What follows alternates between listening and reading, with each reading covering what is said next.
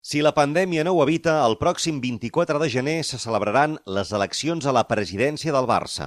Són unes eleccions atípiques per diversos motius. D'entrada, la situació sanitària que vivim farà que la campanya sigui molt diferent de les que hem vist fins ara ja que els candidats no podran fer gaire actes presencials i el seu contacte amb el soci haurà de ser telemàtic i a través dels mitjans de comunicació. Un altre factor que fa diferent aquestes eleccions és la complicada situació del club, tant a nivell esportiu com econòmic, que obligarà els aspirants a la presidència a presentar projectes realistes i allunyats de les promeses de grans fitxatges d'altres campanyes.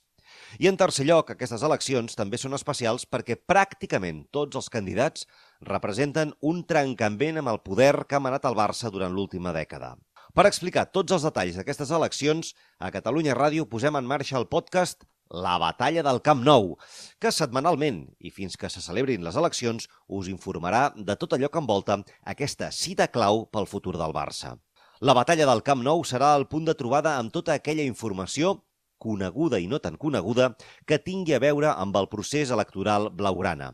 El Jordi Borda i jo mateix, el Bernat Soler, us explicarem què es mou darrere les bambolines de les candidatures. Parlarem amb personatges clau en el passat i present del Barça. Revelarem detalls dels aspirants a la presidència i donarem la veu als millors analistes de la casa perquè hi diguin la seva respecte a aquestes eleccions. Cada dijous, la batalla del Camp Nou, el seguiment de la lluita per ocupar la cadira de president del Barça en format podcast al web i a l'app de Catalunya Ràdio.